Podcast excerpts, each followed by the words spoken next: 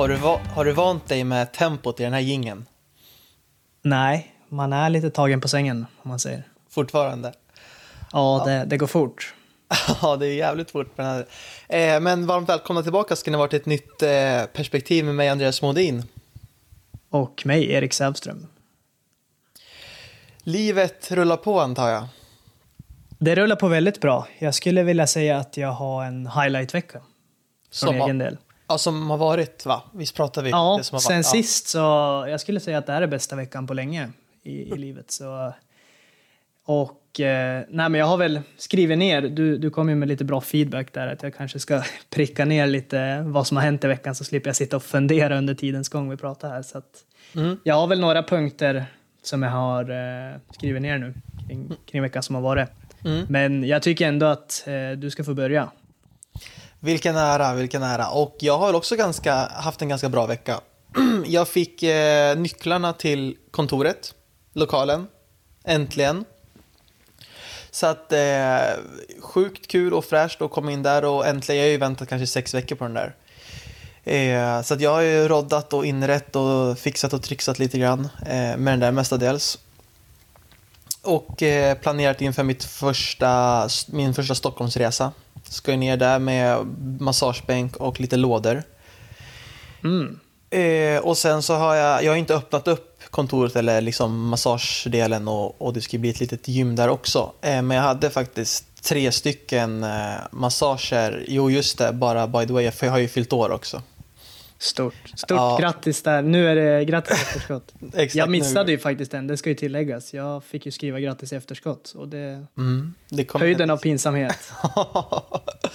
vet du, jag, jag satt och smsade med min kompis eh, Anton Nyström. Vet du kanske vem det är? Jag vet inte. Ja, han Mm. skickade nu i alla fall bara Fan, jag kom på det. Jag sa aldrig grattis till dig va? va? Nej, det gjorde du fan inte. Ja. Nej, och, eh, så jag hade faktiskt eh, tre massager på den dagen. Lite så här, eh, vad blir det tillfälligt eller vad man säger. Alltså på Eh. födelsedagen. På födelsedagen på förmiddagen. Wow. In, innan, man, eh, innan man kände lugnet. Så Det var, det var roligt att få, få stå i, i eh, lokalen och, och ha liksom match, matchdag på hemmaplan i nya borgen. Eh, nej, så att det är hur bra som helst eh, här också. Kul. Mm. En, en fråga bara som dök upp i mitt huvud. Du eh, har precis fått lokalen och börjat installera dig men du tänker redan att du är på G ner till Stockholm och starta igång där. ja, nej, det här Snabba är ju, svängar. Ja, satan. Nej, det här är ju, vet du det, det är ju en del av konceptet att åka ner var tredje eller var fjärde helg. Så det, är Mm, det är inget så att jag, har, jag ska inte ner och rodda med något sånt, utan eh, basen är här. Och sen åker jag ner till de som, ja, de, de som jag känner då, framför allt. Mm. Eh, Ja, jag kan tänka mig att det är många stela nackar där nere också. Det är mycket hemmakontor som är inte optimerade för ergonomi. Heter det så? Snyggt. Ergonomi. Ja, bra, bra Ja, ord. ja. Mm. Så jag tror, där, där har vi statusen. Ja, nej men det lät ju väldigt trevligt och lokalen var vad du förväntade dig. Du kanske, eller förmodligen hade du sett den innan så du visste att det skulle vara bra. Ja, jag hade varit där och kikat lite, men det var sen, det var ju, dels var den bättre än vad jag trodde första gången jag kollade på den, och sen var det ändå kanske sex veckor innan jag, alltså jag kom ju, det var sex veckor sedan jag fick tillgång till snickaren igen, så jag hade inte sett den på sex veckor, så man hade ju glömt bort lite grann, alltså size och hur det ser ut med utrymmen och så hur stort eller litet det egentligen är, och det var ju större än vad jag kom ihåg. Så det var ju bara positiva. Det enda är som varit struligt, det är internet. Eh, först hittar vi liksom inte rätt kabel. Det här är väl de som kan internet och kabel och sånt kan ju tycka det här är kul, annars så fattar man väl ingenting. Men, och då är det ju som att det går en kabel från någon typ av eh, bas då, in till min lokal. och först hittade vi inte den och sen gjorde vi ett jävla hästjobb så vi hittade den. Eh, och fick kontakt. Men sen när han slog upp sin dator och kollade, då var det tydligen för att i en sån här internetkabel så är det sex stycken små kablar.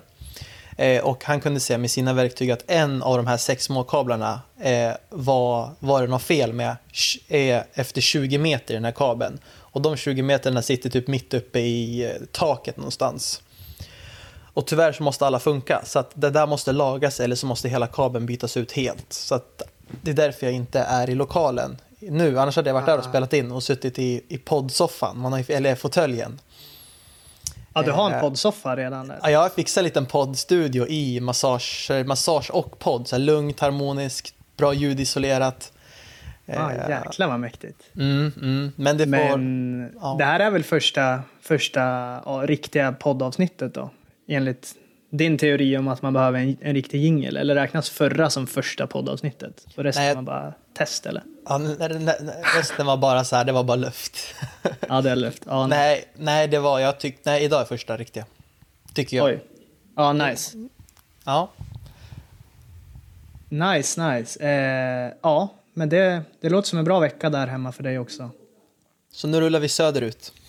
Nu rullar vi söder och ja, nu sitter jag och tittar på punkterna här. Men det stora är väl att jag bara har... Eh, känner att jag börjar hitta tillbaka till mig själv på ett på ett djupare plan. Alltså jag har känt, jag, jag tror jag har nämnt det här i podden. Det känns som jag har nämnt det flera gånger i alla fall i livet. Men jag vet inte om jag har fått med det här. Men jag har känt mig lite så här disconnected från mig själv. Typ att jag tappar kopplingen till naturen, vilket i, betyder tappa kopplingen till den djupare delen av mig då liksom. Så att det är väl mer att jag börjar hitta in i lugnet, haft, eh, kommit tillbaka till liksom bra rutiner och just det här med att, jag är en, alltså jag skulle väl säga att jag är en morgonmänniska så och jag har väl börjat komma upp väldigt bra tid på morgnarna så jag har det här lugnet.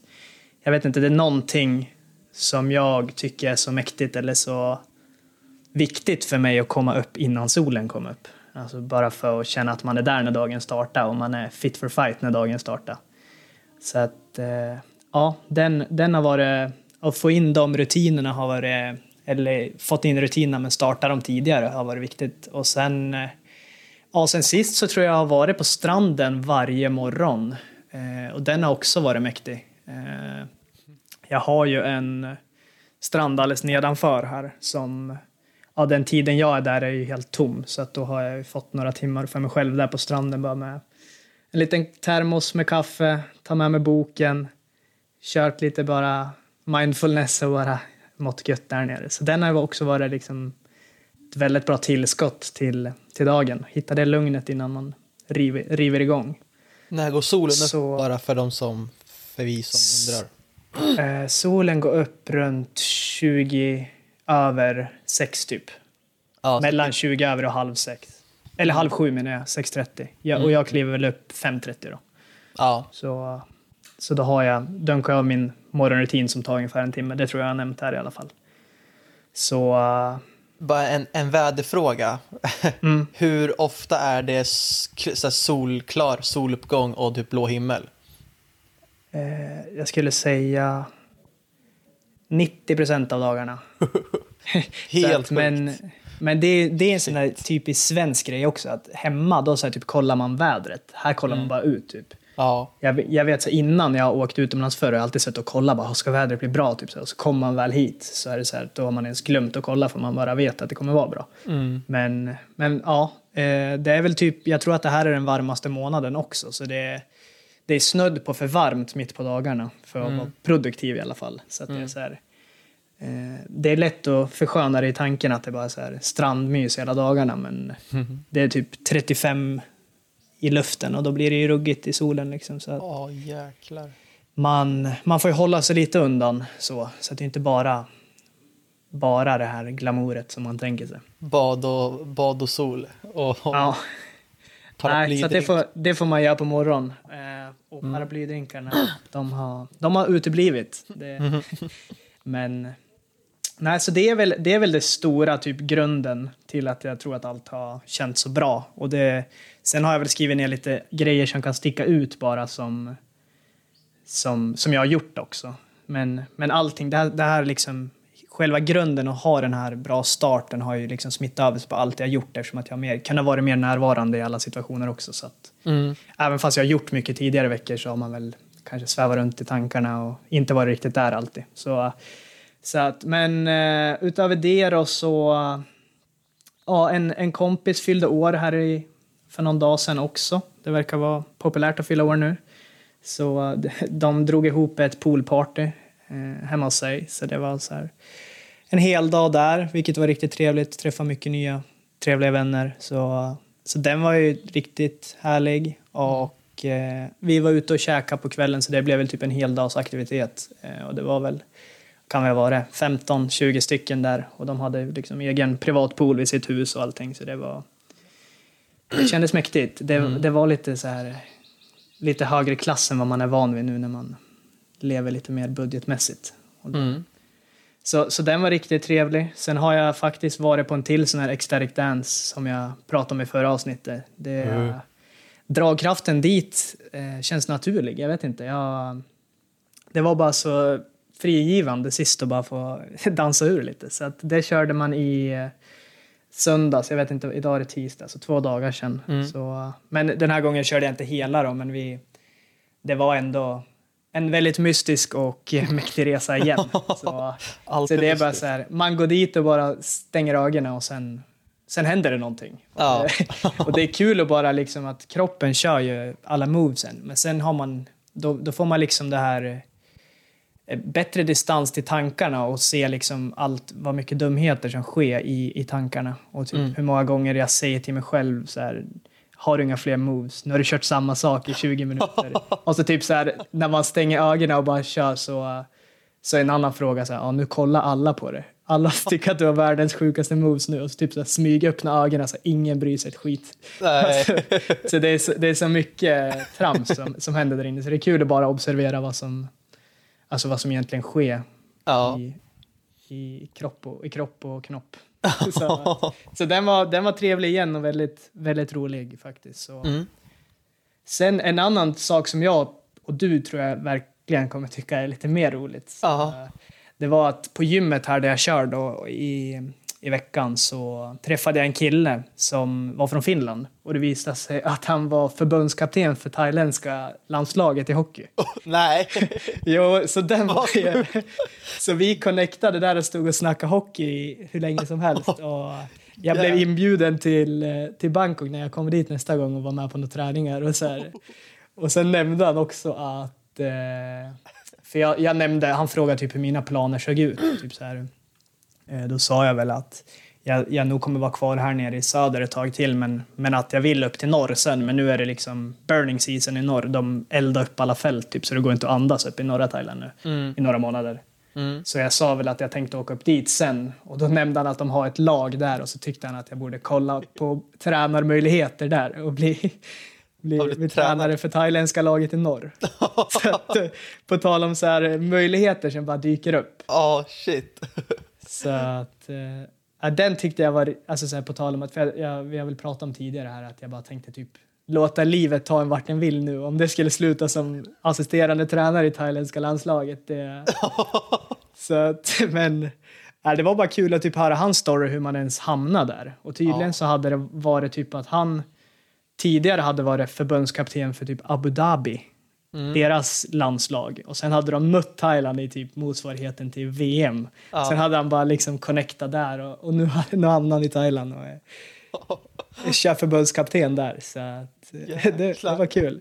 Ja, verkligen. Jävlar. Den var, den var oväntad framför allt. Men, men det, är, det är så mycket oväntat som händer här. Bara man typ har ögon och öron öppna. Det är mycket konstigheter. Mycket så här, ja, Var, mycket konstigheter. var han också på den här dansen? Eller vart sa du att du träffade honom? När han han träffade också- jag på gymmet. Ja, just det, just det. Vad sa du? Ja. För på dansen får det, jag vet inte om jag nämnde det, men där är det så här, man får inte prata med varandra heller på dansen. Och du får Ah, inte ha med dig telefon, du får inte filma eller något, så är det så här, ingen vanlig kontakt. Nej. Men han träffade jag på gymmet och, och vi Mm, stod där och, och surrade länge. Men sen, nu har vi varandra på Instagram och jag, jag lovar att, eller han, lo, han sa att jag skulle komma förbi och hänga med dem och kanske lira lite när jag åker upp mot, mot norr förbi Bangkok. Ja, jäklar. den var rolig. Har du något bra powerplay och, och sånt där? Jag har väl några varianter jag tänker Ja, thailändarna kan vara riktigt fin på. Det, Något man har ju svårt att läsa hur en thailändare spelar hockey, alltså så här, vad, hur typ deras mindset är på en hockeyplan. Ja. Jag, vet inte, jag, jag har aldrig stött på någon sån. Men tydligen så är det, alltså så här, de har ju en liga här och allting. Och det var tydligen massa så här, ja, med kanadensare och lite annat som kommer hit för att spela hockey. Typ. Så, Ja. så jag visste inte så att det fanns en hockeyscen i Thailand. Men, men eh, uppenbarligen så finns hockey överallt. Ja, fan. Så, så den var riktigt kul. Men eh, ja, det var väl, nej det var näst sista punkten. Jag vet inte, jag fick feeling och skrev ner en sista punkt som står mangosäsong. Ja. Highlight. Mm. Mangosäsongen är här. Och Nej. inte nog med det så har jag mangoträd runt hela mitt boende här. Så att från att ha plockat två, tre stycken om dagen till i morse kom ner och plockade med mig sju, åtta, nio mangos som ligger bara och väntar på att bli slukad. Så, så den, eh, mango är man ju svag för också sen tidigare. Så att, nu mår man lite extra bra, lite extra krydda liksom. Och det är sånt man bara får, kan få ta, alltså, utan det kostar ingenting. Nej, inte de som växer på träden. Alltså, jag känner han som äger de här, det här hotellkomplexet, eller vad man ska kalla boendestället. Så han sa bara att plocka på det och ät. Ät står ut genom öronen på det. Så, så det är väl det man kommer syssla med framöver. Åh jäklar, jag, in, jag sökte in här bara på Willys lite snabbt. En mango ligger på 16, så 17 kronor för en mango på Willys. Mm. Bara så här kul referens, vad man, skillnad. Ja, nej, så att det... Den, den är också trevlig. Det är en trevlig liten krydda bara. Ja, Så, så det är väl det som har hänt i, i livet sen sist. Eh, vad skönt och smidigt det kändes att ha punktat upp dem. För, för de andra poddarna, har jag, eller avsnitten, har jag ju suttit och bara funderat typ och glömt bort. Och så har jag alltid kommit på något i efterhand som kanske hade varit roligt att slinka Ja. in. Typ Nej, men- förbundskapten. Ja exakt. Nej, men det här speglar ju, speglar ju lite våran jingel. Tempo och effektivitet. Ja, det var så. Det kom naturligt kanske. Ja, exakt. exakt. Det var pang, pang, pang den här veckan. Ja. Mindre flum. Mm. Ja, jag tror, jag tror det, det uppskattas. Upps, uppskattas. Eh, men Ja. de som gillar flum kanske inte uppskattar det. Nej, äh, det är svårt att se, men det känns ju... Jag vet inte vad det känns. Men det, det är fortfarande kul att folk lyssnar och, och hör av sig. Det, det värmer verkligen. Det, Ja, verkligen. det får lågan att verkligen finnas kvar och, och hållas uppe. Att, för det kän, man vet ju inte om folk gillar ens eller om folk bara... Ja, nej, så det är kul.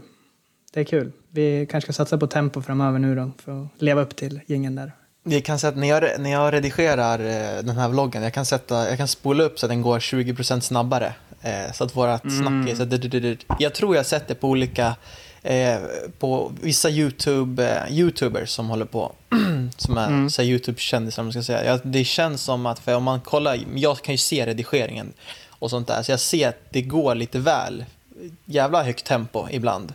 Och det tror jag nog Ja. för att när de snackar för att man inte ska liksom ledsna typ på något sätt. Jag vet inte vad de har för taktik. Det är någonting säkert man får lära sig på någon influencer-skola om man går den linjen. Finns väl något sånt. Är det så? Jag tror fan det. Ja, ja, Galet. hur, va? Ja, Ja, det är galet. nej men eh, så jag tänkte vi skulle glida in lite på dagens ämne som är både lite seriöst och men ändå lite intressant. Kan jag tänka mig. Spännande. Eh, och eh, vi ska väl berätta lite om, det här nämnde ju du, mm, det var ganska tidigt, i början, det var i första avsnittet va, när vi presenterade lite varandra. Mm. Eh, så att det är lite mera, lite mera bas och grund i, i din story. Ja, lite djupdyk där. Eh, Ja. Och just på, på den här delen så har jag väl ingen... Eh, inga punkter, så att nu kanske vi ramlar dit och flummar. Men, men tanken är väl att man ska bara prata från, från hjärtat och säga som det är. Så, att, eh, Mm.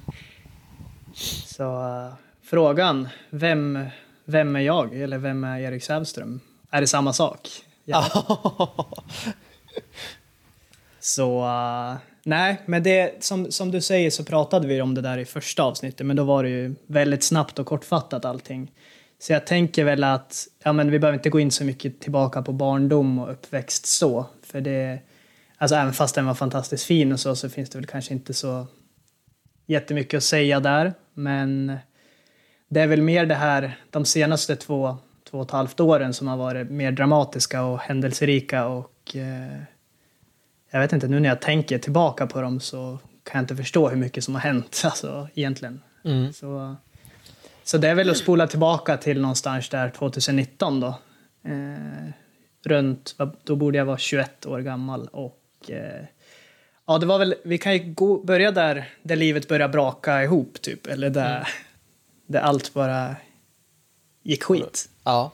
Spåra ur kan man säga. Mm. Mm. Så nej, men det började väl med att jag jag hade kommit hem från mitt äventyr i eh, USA och eh, hade haft en jättebra tid där, men, men rent hockeymässigt så hade det väl präglats av, av ännu en hjärnskakning som blev den tredje dokumenterade hjärnskakningen. Så att eh, jag stod väl och funderade lite så innan jag åkte hem om jag skulle stanna kvar och eh, spela, alltså köra, fortsätta att köra college där eller komma hem. Men, eh, och det var väl mycket som, som fanns på plats hemma då, som gjorde att det ändå vart ganska enkelt beslut, även fast det var lite så lockande att stanna. Men fyra, mm. fem år där var väl kanske lite, lite seriöst. Och jag hade ju som sagt mycket på plats. Jag, hade, jag var tjänstledig från jobbet på banken. Jag hade flickvän, lägenhet. Alltså jag hade allt på plats. Och, mm och det fanns ändå hockey som jag tyckte kändes ja, rolig hemma där också. Och så, så att for hem, eh, började installera ett vanligt liv där igen. Men eh, och sen kom väl hjärnskakning nummer fyra som ett brev på posten. Eh, och där började väl det riktigt mörka. Och en lång sjukskrivning från både hockey, jobb, mycket innesittande, eller nästan bara innesittande i en lägenhet som gjorde att man fick tänka om livet lite grann. Eller fick, jag vet inte hur man ska säga det riktigt, men det var väl det började väl bara som en nedåtspiral som vart värre och värre och värre som till slut slutade med att jag och min före detta flickvän då gick skilda vägar efter nästan sex år, tror jag det var, vilket mm. var en väldigt lång tid också. Det tror jag inte jag nämnde i första avsnittet, men, men där nämnde jag ju att mycket som jag var djupt och starkt identifierad med och trodde var jag föll bort, vilket gjorde att jag fick börja ställa frågan, ja men vem är jag? Jag är kvar, vad, jag trodde att jag var allt det här som jag gjorde eller hade mm. och så mm. vidare. Så att, men, men det stora var väl att eh, nog att vi gick skilda vägar efter de här sex åren. Och eh, jag tänkte väl inte gå in så mycket så på detalj just för att det handlar om ännu en, en till person då. Men, mm. men jag vet nu i efterhand hur hårt det tog eh, på mig, även fast jag inte visste det då. Så mm. vilken liksom, tomhet som fanns där. Och, liksom, vi träffades när vi var 15 och höll ihop tills 21. Liksom. Mm. Så, så det var... Och, och, det stora jag kan se nu i efterhand var att eh, i princip typ all min kärlek var uppbunden i en person. Så när den personen inte fanns kvar så fanns det ingen kärlek kvar i livet för mig. Och då, mm. Det är liksom livets stadie, alltså leva i kärlek skulle jag säga. Så, mm. så det blev väl ett, ett stort mörker bara där och sen var väl, var väl hockeyn också det andra stora då, som också var en mycket kärlek uppbundet till den sporten och djupt identifierad. Det vet du säkert själv att mm. man har ju alltid kollat i spegeln och sett där är hockeyspelaren och där är pojkvännen och där är bankkillen och bla bla bla. Mm. Och allt det där följer bort då. Och eh, en jag, jag uppfattade väl inte där att, att, det var så, att det var så illa, och, men det blev väl bara värre och värre eh, ju mer tiden gick. Så, så började man väl blöda mer och mer. Utan, och det var väl där man började. Det kom en sommar och svenska sommaren är ju, håller man ju väldigt högt och det blev väl lätt att dras med och börja festa väldigt mycket som jag också pratade om i första avsnittet där. Mm. Så att men, och det är inget fel med festande, så vill jag tillägga, men det är väl mer var, varför man gör det. Och för mig var det väl mer en flykt från ett... Alltså fly från sina egna tankar och komma ut och bara få stänga av ett tag. Typ. Mm. Och, och då blir det ju som att man använder, använder alkohol i det här fallet som, som ett hjälpmedel att stänga av, vilket kanske inte är så hälsosamt, speciellt inte i längden. Eh, så, att, så det var väl en Eh, den medicinen, om man säger, som jag mm. tog till där. Och det blev väl... Alltså det, det, det funkade det hjälpte ju ett tag, men jag vet ju att efter varje gång så var det bara en större tomhet som infann sig och det blev bara jobbigare och jobbigare och man grävde djupare och djupare ner i, i mörkret. Så, mm. Så att eh, det var väl det. En, en ändå liksom, det finns mycket ljusglimtar med den här sommaren också. Så det är inte bara misär. Utan, eh, men, men man hade väldigt lätt att hitta ursäkter till, ursäkter till varför och att man verkligen att man var på rätt spår ändå. Och att ja, men, ta igen och vara mer med kompisar och ta igen för de här sex åren då som man inte hade varit ute knappt någonting. Och, mm. nej, det, var, det var mycket så här dumma ursäkter som man, som man tyckte var valid att, att glida med på där. Så, så det var inte ett svårt val. Eh, men, men som sagt så var det väl mer att min intention var att, att fly från någonting som inte var, var så roligt att hantera. Så Mm. där, där var väl den sommaren. Och eh, sen kom vi in till, till olycka nummer två, men kanske den, den olyckan som har blivit mest betydelserik, eh, eller liksom den som har förändrat mitt liv mest. Och det nämnde jag ju bara lite snabbt, men det var ju en, en jag kallar det nära döden-upplevelse eller mötet med döden eller vad, vad man nu vill säga. Men det som hände där då var, låter inte så dramatiskt, men, men det var bara att jag och eh, min bror busade och höll på att skoja brottas liksom och, och bara hade liksom ja, skoja på hemma. Eh, och eh, jag, jag minns att jag gled upp och tog liksom ett, ett litet skojstryptag på honom och han vände sig fort och fick ett bra grepp kring min hals. Utan, Och jag, det blev direkt som att det bara var stömt. Jag kunde inte prata, inte andas, inte säga sluta, inte säga släpp eller någonting. Ja. Så jag minns bara att jag med all min energi försöker dra armbågen i honom så att han ska släppa mig. Och sen är det bara svart. Eller det är bara, jag är bara borta. Ja. Och eh, hur länge jag var borta vet jag inte riktigt. Men, men här, alltså jag hann ju uppleva, jag hann ju få en upplevelse som är så stark. Alltså min starkaste upplevelse i livet under den här perioden. Eh, men så, och, och i det här sammanhanget så blir ord, ord så fjuttiga så det, det går inte att riktigt förklara. Det går kanske få en liten överblick av vad som hände, vad jag upplevde. Men som för mig där så blir det som att ett ljus bara närmar sig. Och det är inte ett ljus som ett solljus eller en lampa, utan det är bara ett ljus som... Det är så ljust så det... Jag vet inte hur jag ska förklara det, men det är Ja. bara ett ljus som närmar sig. Och jag känner bara en värme som kommer i hela kroppen. Eh, eller jag känner bara en värme och en kärlek som är helt helt obeskrivligt stark och så långt ifrån, så mycket starkare än allt vad jag någonsin har känt här på jorden.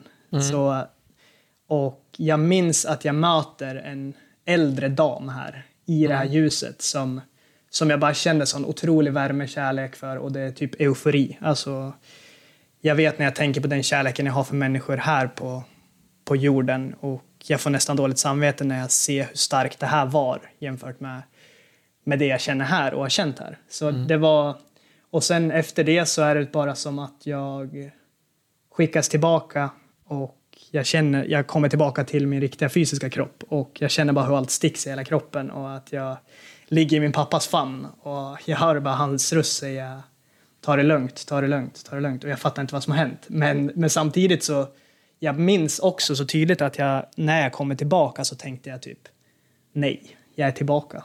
Mhm, mhm. Jag vill vara kvar där typ. Ja, jävlar. Så... och, och det, är inte, det, det hade inget att göra med... Alltså det kan ju typ låta tragiskt att jag så här, vill inte vara här. Men så var det inte. Men det var som att den här upplevelsen var så...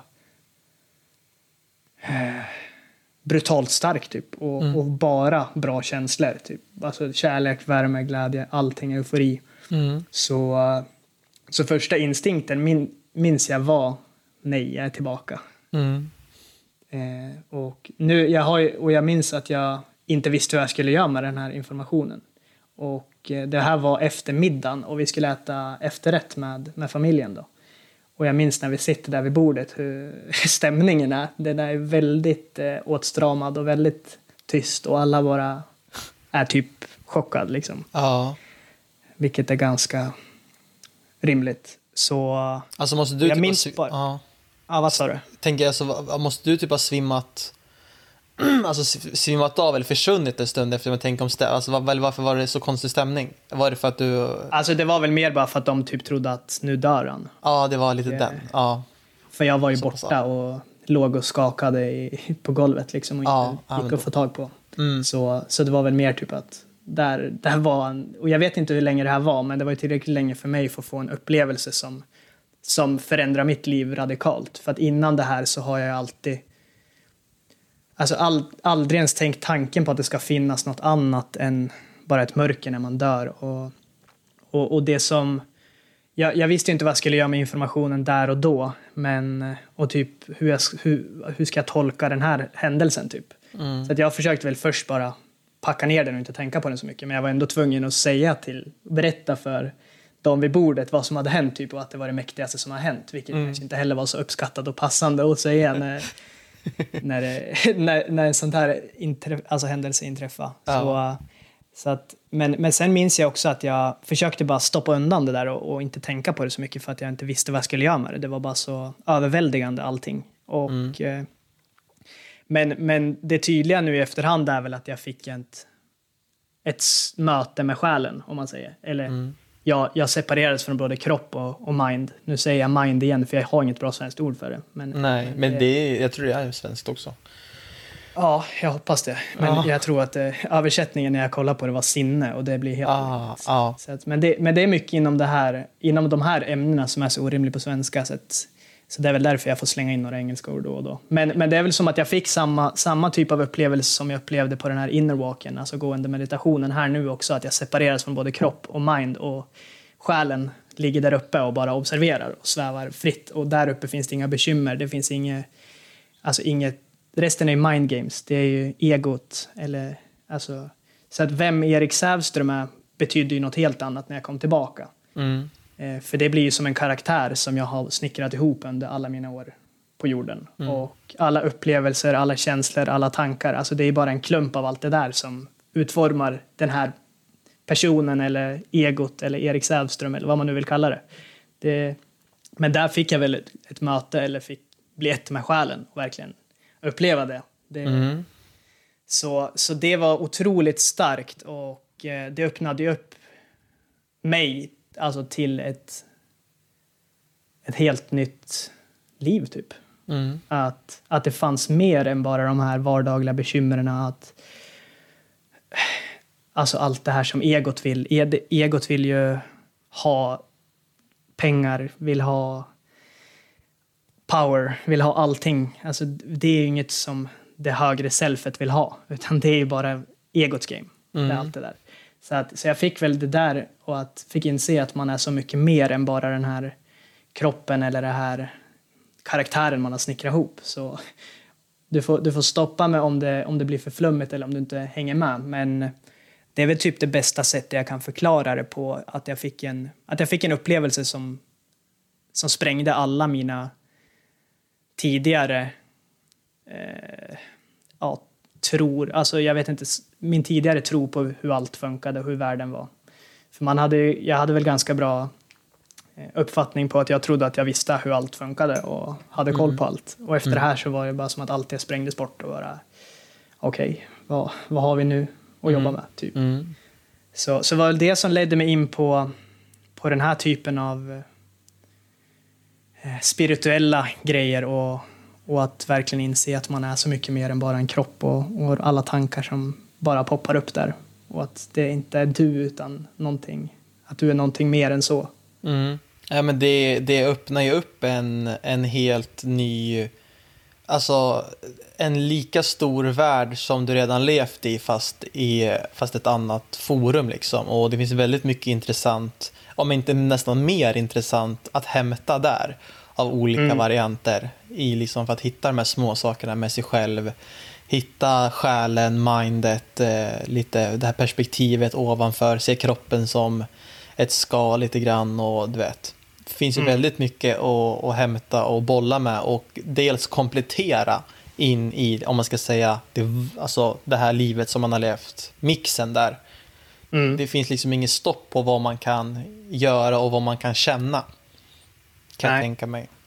Nej, exakt. Det, det är väl precis, det är bra, bra förklarat. Alltså så. Eh, och det är ju, ja men som du är inne på så, så öppnar det upp ett helt nytt, en helt ny värld som, som när, man, när man väl har sett den, nu när jag har fått en glimt från den så kan jag aldrig få den osedd och jag vet att den alltid finns där. Och det, jag tror att vi alla, någon, alltså speciellt vi som har hållit på med sport, har haft såna här alltså upplevelser som är, alltså som du inte kan förklara. Och idag kallas det väl så snyggt flow state typ. Om man tänker när man har varit på en hockeyplan när allt bara har skett. Och, eller när man har spelat paddel eller tennis. Att allt bara sker och tiden står still. Typ. Att man bara är verkligen djupt ankrad i nuet. Och, så det är där allting finns. Resten är ju bara uppe i våra tankar. Så, Mm. Så, så den, men den här upplevelsen var ju alltså så mycket starkare än, än de här korta sessionerna av flow state som man har upplevt eller när bara tiden har stannat upp och allting bara sker. Kroppen gör, utför någonting som den, alltså kroppens intelligens tar bara över och du vet inte, alltså mindet har ingenting med saken att göra. Nej. Så, äh, jag vet inte, det är väl typ, jag tror att det är det bästa sättet jag kan förklara den där upplevelsen på. Men sen, eh, så det är väl det som, som öppnade upp allting som har gjort att jag inte kan få det osett. Och det är som att det finns ett inre driv till att upptäcka mer prova mer. För det finns så många olika typer av, av, av sätt att ta sig dit igen, typ. Eller integrera det i ett vanligt liv, som du säger. För det är mm. väl det här handlar inte om att välja sida, att antingen vara si eller antingen vara så, utan det handlar väl om att kunna ha den här inre tryggheten och veta att allting allt är lugnt liksom och inte bara falla dit och reagera på alla tankar som alltid poppar upp. Mm. Och, och, bara leva i ett reaktivt stadium och, och det är hela ego, ego-gamet, eller hela mind-gamet. Mm. Liksom. Och efter den här äh, kvällen, vad liksom den kommande, det här var på, vad sa du, hösten? Efter den här sommaren, eller när var det här? Ja, det var, jag tror det måste ha varit någon gång september, oktober kanske. Ja, hur såg då de kommande, eller hur, vad, hur förändrades, eller hur blev de kommande veckorna, månaderna? Alltså det var typ, eh, jag minns inte att de var, alltså in, innerst inne så var ju allting otroligt förändrat. Men i och med att jag inte kunde få, jag hade aldrig hört talas om sådana här saker, det var så helt nytt, alltså jag hade ingen utbildning så att säga mm -hmm. i mhm. sådana här ens... Alltså så att allt var så nytt så jag kände bara att jag typ packade, packade ner det mer och mer tills eh, en dag tror jag att det, det drogs upp automatiskt när mamma som alltid har varit mer spirit, åt det spirituellt lagda hållet eller intresserad av sådana här typer av alltså meditationer eller mindfulness överlag som är mm. eller yoga eller vad liksom allt sånt. Mm. Så, så hon bjöd med mig på en föreläsning som jag vet sådde i alla fall ett stort frö inför min resa och det var på Björn Nattiko Lindblad om du har hört talas om honom. Han eh, har blossat upp mycket vet jag i Sverige nu på senaste tiden. Mm. Så, och han, han var ju, han åkte ju på en liknande backpackerresa för hans story och eh, blev, blev munk mm. i 17 år eller vad det var. Vilket eh, låter helt brutalt, men, men så, så hamnade han där och nu har han väl varit hemma och föreläst mycket och gjort både sommarprat och det ena och det andra. Men hans föreläsning följde jag med mamma på och det eh, bara, bara som en rolig grej utan intention. Men där mm. fick jag väl lära mig mer om hela, alltså hela den här grejen och hela mindfulness-grejen. Så där såddes väl ett frö inför min resa som jag ändå hade börjat fundera på eh, att göra. Så mm. Så att, och sen, ja, sen någon månad senare så, för livet där hemma minns jag inte var så, så jätteförändrat just för att jag inte hade något, något sätt att applicera det här på eller fattade inte ens vad som hade hänt. Mm. Men sen, sen har jag ju bara läst mer och mer under tiden och, och hört andra som haft liknande upplevelser och, och det, det är väl sådana här mystiska upplevelser som de på svenska kallas, alltså, my, ja, mystiska upplevelser som man inte kan förklara med ord. För att mm. Eh, ja, ord räcker ju inte till, det blir, det blir väldigt fjuttigt mm. förklarat. Så, men, men eh, ja, så att jag drog väl ut då och reste och sen ja, hamnade jag på ett kloster för att hoppa snabbt dit. Mm. Och det var väl där jag hade en, en till sån här upplevelse som var så, så profound, alltså mäktig typ och gjorde att jag verkligen förstod mer av det. Nu, nu vet jag att det är en grej. Nu vet jag att det, det inte bara händer när man dör och, eller föds. Som, mm. som jag vet nu i efterhand att för, för mycket, mycket forskning tyder på att det en eh, att det släpps ut DMT i, i hjärnan vid både födsel och när man dör. Som mm. ska vara för att typ och det är väl det som kanske har skett som har lett till en mystisk upplevelse. Mm. Och, så, så uh, nej, men då, då, hamnade jag på ett kloster där jag var i, i helt tystnad, bara mediterade länge, länge liksom åtta timmar om dagen typ, tror jag det var. Mm. Och där fick jag väl mitt första egna, alltså inte framtvingade men, men naturliga upplevelsen av en, en sån här alltså ett till möte med själen om man säger. Mm. Som bara var, som, som inte går att ignorera. Som bara är så här, ja wow. Mm. Det var, det var verkligen, jag minns att, alltså på, det, det kallas väl typ spiritual awakening på engelska. Att man, ett uppvaknande typ. Mm. Spirituellt uppvaknande. Eh, det, finns så många olika ord man kan slänga som är alltså själen, ett möte med Gud. Mm. Och, och Gud vågar man inte ens nämna det ordet, i, speciellt inte i västvärlden för det är så, jag vet inte, ut, alltså, använt på fel sätt kanske. Ja. Men, men man fick ett, alltså ett sånt här, en till upplevelse där och jag minns att det var som att där eh, satt jag och mediterade och, och bara observerade vad som hände och tankarna som dök upp och det började dyka upp mer en positiv tanke och på sätt och vis kunde jag släppa den här tanken och, och då blev det bara som att all energi samlades upp och det bara byggdes upp den här positiva energin.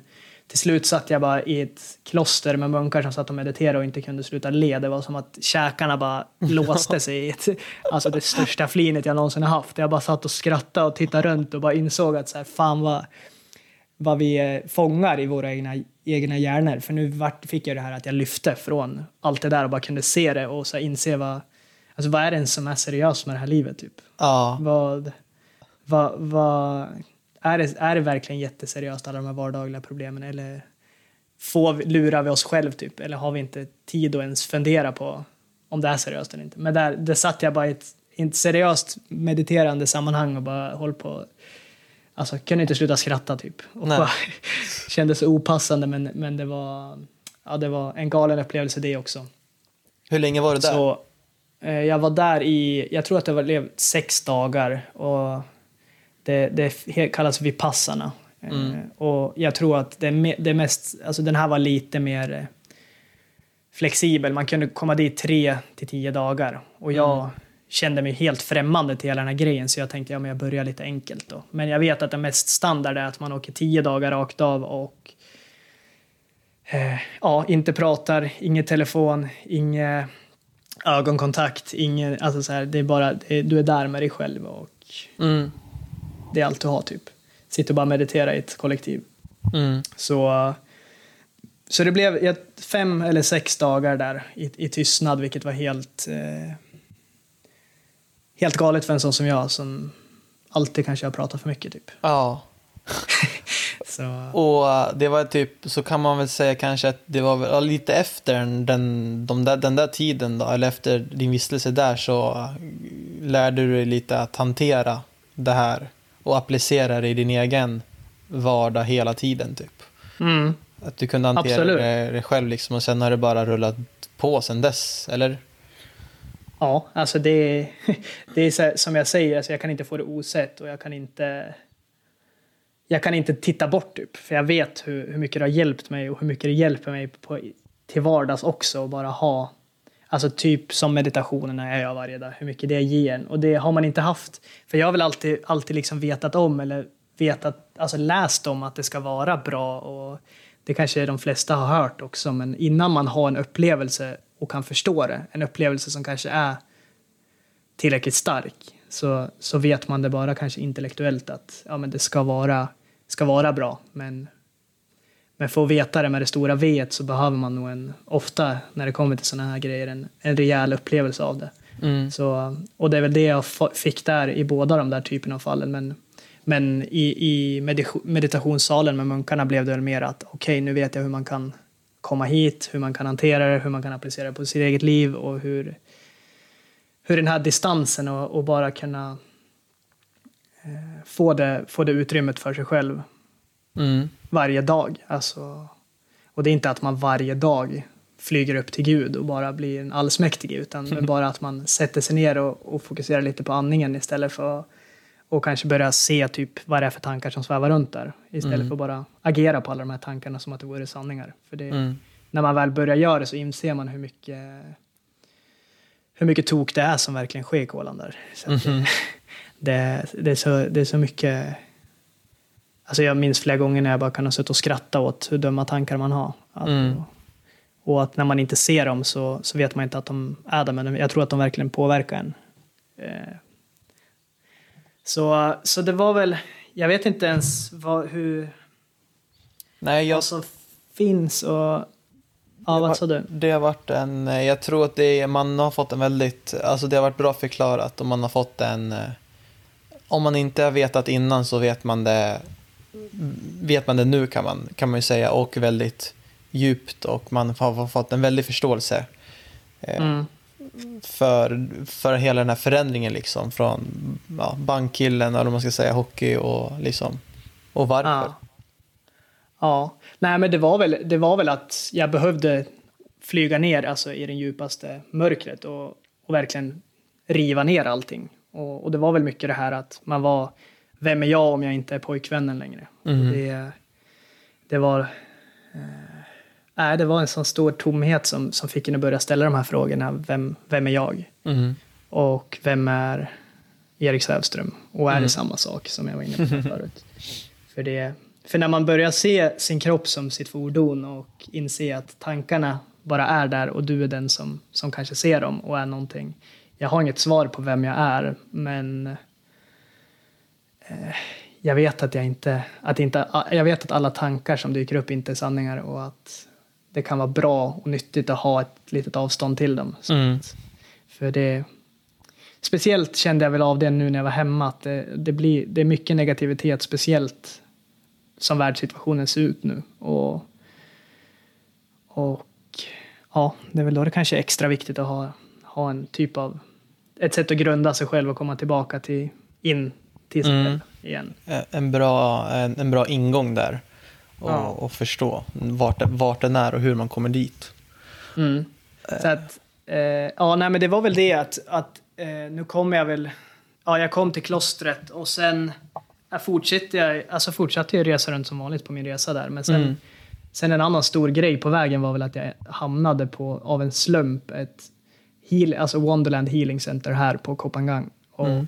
eh, där blev jag inlåst i en lockdown och där handlar väl typ hela hela konceptet på, alltså det är mycket yoga, det är mycket meditation, det är mycket healing för, för kropp och själ och allting och bara hitta tillbaka till sig själv. Och, och det var väl där också, det är också en stor liksom, stepping stone på vägen till att hamna där man, där man sitter idag. Och, och det är inte, det, är- det är som fortfarande, alltså jag vill, jag tror att folk kan få så här, okej, han är sån nu. Men jag, jag har ju fortfarande kvar hela mitt gamla perspektiv. Och det är så tydligt att hur det gamla sättet att se på världen, hur, när, de, när det ligger sida vid sida med det sättet jag ser på världen idag, hur... Och, och det, det har jag märkt av när jag typ, till exempel har suttit och spelat en podd här också, att jag... Att ena delen av mig lyssnar, typ som att mitt gamla jag lyssnar och dömer mitt nya jag. Det är därför jag, jag, jag märker att jag faller dit i typ alltså blir osäker och säger så här, ah, har jag tappat kontrollen helt nu? Och typ, Mm. för, att jag, för att jag märker hur mitt gamla perspektiv skulle ha tagit emot en sån här typ av information och bara sagt, ja, ah, vad är det här för hokus pokus liksom? För, för det, var det, det, det tror jag det har varit för mig hela livet. Alltså hokus pokus för att jag inte har vetat någonting om det. Och, Mm och det tror jag att det kanske är för de flesta också. Men just att jag tror att många har haft upplevelser som de inte kan förklara. Och eh, ja, just där också tilläggas, eh, alltså en film som Disney släppte som, som heter Själen var riktigt eh, träffande i mitt sammanhang om någon har sett den. Och det, det är en kille som också Alltså var, är den eh, ny, var den, släpptes den då eller har den släppts nyss, nyligen? Ja, den har släppts nyss och den såg jag innan jag åkte. Och det, om, man, om man vill förstå mer typ, så rekommenderar jag den filmen mycket. Men den, är, den filmen rekommenderar jag ändå om man inte ens är intresserad. För den Ja. var riktigt mäktig. Eh, Jag har inte sett, eller jag har inte ens sett omslaget. Är det, är den animerad eller är den eh, liksom, eller är verklig? Ja, den är animerad. Ja. Den är animerad och den är, var väldigt mäktig. Och han, det handlar väl om att följa sitt eget hjärta mycket och att han... Eh, om, ja, men mycket om det här med flow state och att man kanske tappar kopplingen till sitt riktiga jag och blir fast i allt det här var ja, men Mm. ideal och att man, att man inte följer sitt eget hjärta. Och han, I hans fall var det väl att han ville bli musiker. Och, men han hamnade någon helt annanstans för att, jag vet inte, Mm. han, och sen, ja, nej, den, den, den rekommenderar jag mycket. Nu fick vi in en filmrekommendation också. Ja, och jag Så, tänkte... men jag- Ja, nej. Ja, vad sa du? Jag vet inte, jag tänkte bara säga att eh, det känns som att jag bara babblar otroligt länge nu och jag vet inte vad jag har fått med. Men, Nej, jag har suttit här och hållit lite koll. Eh, så det var det jag skulle säga att jag tror att, att kanske att avsluta med den där filmen, att avrunda med den. Eh, Mm. om, om, eh, om du känner att vi har fått med en relativt, eh, ja, relativt bra eh, beskrivning av det vi vill få ut i det här avsnittet. Ja, alltså man kanske kan få en mer förståelse av vad som, har, alltså vad som typ händer. Mm. Eh, för... Eh, men det finns ju så mycket mer djup också som man kan gå in på och just det här med... Ja, men just med att ord ofta inte räcker till. Alltså det känns ju som att jag, jag kommer lyssna på det här avsnittet efter och känna att, att det är inte ex, alltså jag når inte Ja. fram. Jag, jag får inte ut det jag vill. Alltså det är inte... Det överensstämmer inte med vad jag har upplevt, men det är kanske fingrar som pekar åt ett håll i alla fall. Att, Ja. Jo, för oss som så. För mig, så jag har ju suttit och lyssnat och jag, för mig är det för jag har ju fått så här, för, eller jag tror ju i alla fall att, vi, att jag har förstått, eller den bilden jag har fått är ju hur den är så här, jäklar nu, jag hänger med 100%. Eh, men Okej. det kan ju ändå inte, det kanske ändå, du, hur du upplever det ändå kanske inte tillräckligt. Ja. Men eh, för oss flesta så, ja, jag kan garantera att det, det är så. Eh, Ja, men det, det känns ju tryggt att höra. För jag känner ju, som, som jag nämnde så känns det som att gamla jag alltid sitter och lyssnar. mm, Och, och jag tänker väl att jag ska försöka förklara så att gamla jag förstår. Mm. Och, för att jag ser gamla jag som typiska människan. Alltså, ja, exakt. Och nu ser jag nya jag som, inte vet jag, alltså något Mm. ufo typ ibland. så, Nej, för jag har inte heller hört det här. Så att för mig är det också första gången med djupet och det är klart förståeligt, absolut. Så att det är, nej. ja, men det känns ju bra att fått, fått det liksom förklarat. För jag vet också att folk har frågat om, ja men den här, speciellt om olyckan och vad som hände. Men, Mm. men just att den situationen, jag har, jag har inte pratat om den typ med så många just för att jag inte vet, jag har inte hittat ord på en som kan förklara den. Då har jag känt att då är det lika bra att inte säga någonting. Mm. Och sen... Ja, nej men det, just att det blev så allvarligt också har väl nog mycket att göra med att jag har fått de här smällarna mot huvudet och att...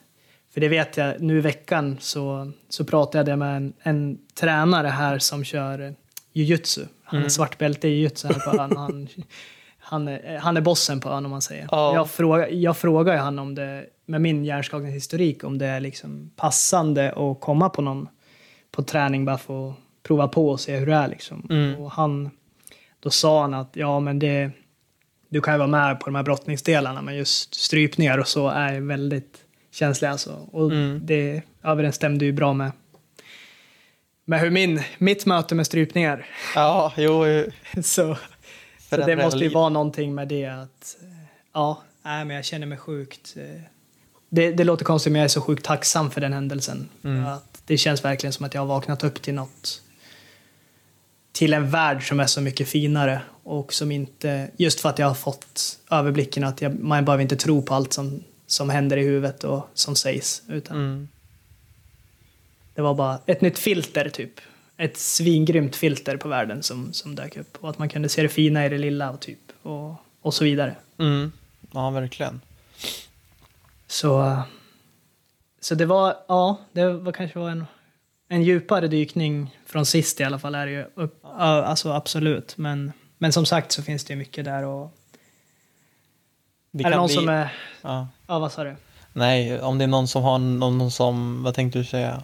Ja men om det är någon som bara funderar eller tycker att det, alltså på någonting så hör av er. Och, Mm. och det är för att Så kanske Ja. man kan köra en... Eh, man, man kommer ju komma in på det då och då, och då säkert eh, i framtiden också, men man kan ju köra någon liten mm, en återkoppling eller som en del två på något sätt med Mm. nya med lite nya perspektiv och nya synvinklar liksom. Ja, alltså just det är ju väldigt annorlunda.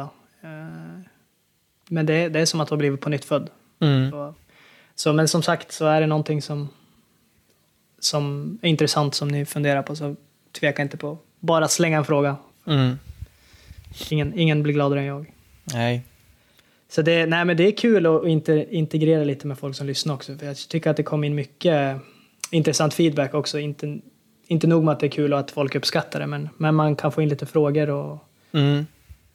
och, och lära sig mer av, av folk som lyssnar. För att, bara för att du och jag ha en dialog som vi tycker är rimlig så betyder Mm. inte det att den når fram hos andra.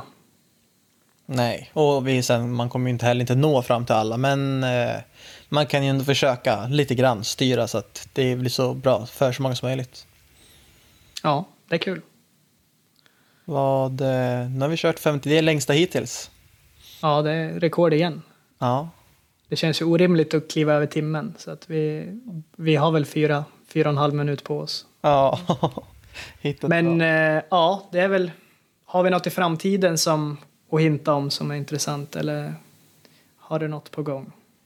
Nej, jag åker ner till Stockholm nu på torsdag och, och kör på där. Eh, nästa grej är väl egentligen bara, det är bara att tugga på som vanligt, känns som jag säger hela tiden. Det är bara att köra på eh, och kriga. Men det är väl att när man får lite, det ska bli intressant när man kan få lite wifi i, i lokalen och göra lite, sitter den där, kanske man kan slänga upp någon bild sen så får man se hur det ser ut eh, när det är klart och sitta i en liten, nu liksom ligger jag i, i min säng här i bara kalsonger, liksom ganska lökigt. Eh, mer fashion är inte än så, men då blir det lite, det blir en nivå upp. Så det, det, det längtar jag till. Mm, det blir seriösare och seriösare. Mm, mm. Snart är vi en, en riktig, riktig podd på riktigt. Exakt. Så inte bara Nej, det känns obehagligt att ens säga det. Låt oss bara, låt oss bara ha kul. Ja, Så att, nej, men det låter som, som roliga grejer på gång. Men det, så länge man tar ett steg i rätt riktning så behöver man inte ha mer bråttom än så. Det är exakt, exakt. Och bara ta ett du, steg om dagen. Ja, fan. Ibland två ibland något bakåt för att sen kunna ta fram igen. Men, eh, och du fortsätter med ditt konto. Du verkar ju må bra. Du fortsätter på rätt spår antar jag. Gå upp, upp och fånga solen. Ja. Känner sanden på stranden. Ja, det är väl det. Och, och fortsätta ha den här stressfria vardagen. Mm. Det, det är väl det som har varit lite svårt att, att hitta det här lugnet på en ö som verkligen är livlig. Så Mm. har jag känner jag väl att jag börjar hitta den, grunda mig själv och bara komma ner på riktigt nu och Mm. leva gött. Så att, men jag har inget planerat så som jag kan komma på. Men i, inom en snar framtid så har jag någonting som för mig i alla fall är väldigt stort. Men det, vi har väl i alla fall ett avsnitt till på gång innan det. Ja. Så det kan vi, kan vi spara där. Mm. Så ja, det är väl det. Hur avslutar man en riktig podcast?